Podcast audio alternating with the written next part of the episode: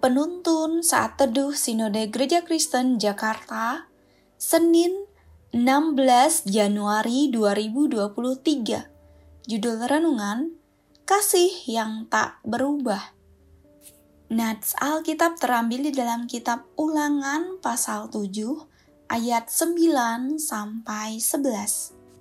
Sebab itu, haruslah kau ketahui bahwa Tuhan Allahmu Dialah Allah, Allah yang setia, yang memegang perjanjian dan kasih setianya terhadap orang yang kasih kepadanya dan berpegang pada perintahnya.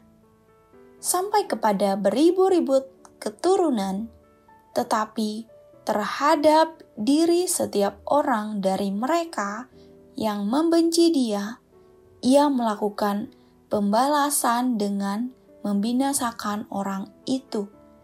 Ia tidak bertangguh terhadap orang yang membenci dia. Ia langsung mengadakan pembalasan terhadap orang itu.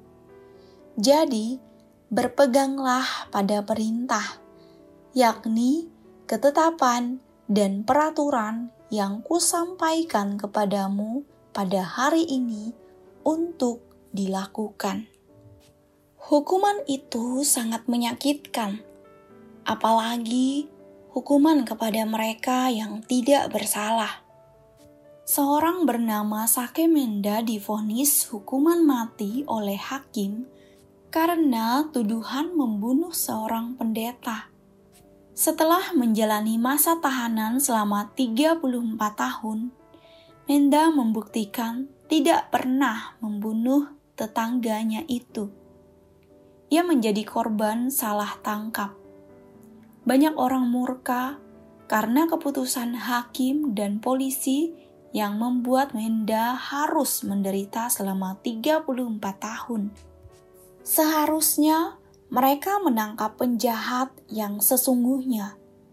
Penjahat sebenarnya memang harus dihukum karena kesalahannya sebagai bentuk perlindungan kepada orang-orang yang tidak bersalah.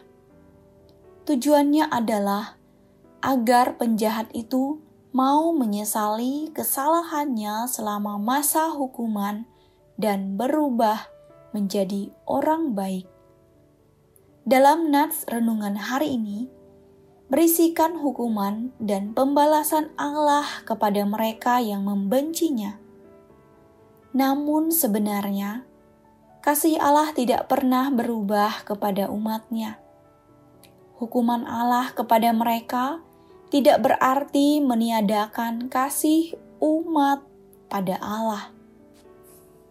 Orang-orang yang memosisikan dirinya menjadi musuh Allah tidak mau taat dan tidak mau mengasihinya akan mendapatkan hukuman Allah ayat 9 sampai 11. Tetapi terhadap diri setiap orang dari mereka yang membenci dia, ia melakukan pembalasan dengan membinasakan orang itu. Ia tidak bertangguh terhadap orang yang membenci dia. Ia langsung mengadakan pembalasan terhadap orang itu.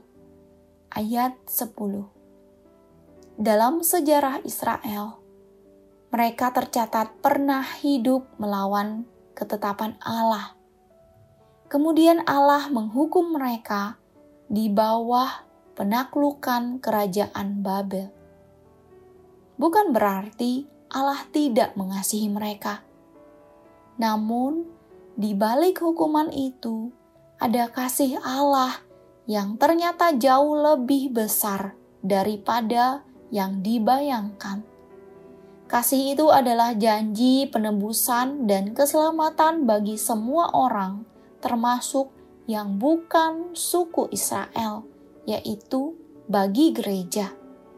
Kasih itu adalah janji kedatangan Mesias bagi umatnya. Memang Israel harus dihukum karena kejahatannya, Bukankah orang jahat sudah selayaknya dihukum? Kita menghukum orang jahat karena kita mengasihi kebaikan dan kebenaran. Kita pun juga sewajarnya layak dihukum karena kita orang berdosa. Namun Allah memberikan kasih dan pengampunan bagi umatnya.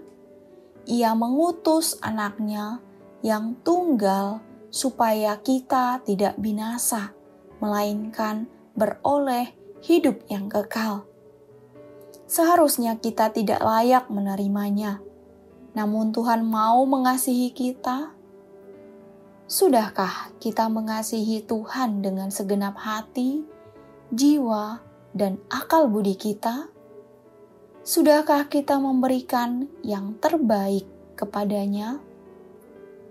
Kita mau mengasihi Dia dan memberikan yang terbaik kepadanya, karena Allah sudah lebih dulu mengasihi kita. Allah mengasihi kita sekalipun kita layak mendapat hukuman karena dosa-dosa kita. Amin. Terima kasih, Tuhan Yesus memberkati.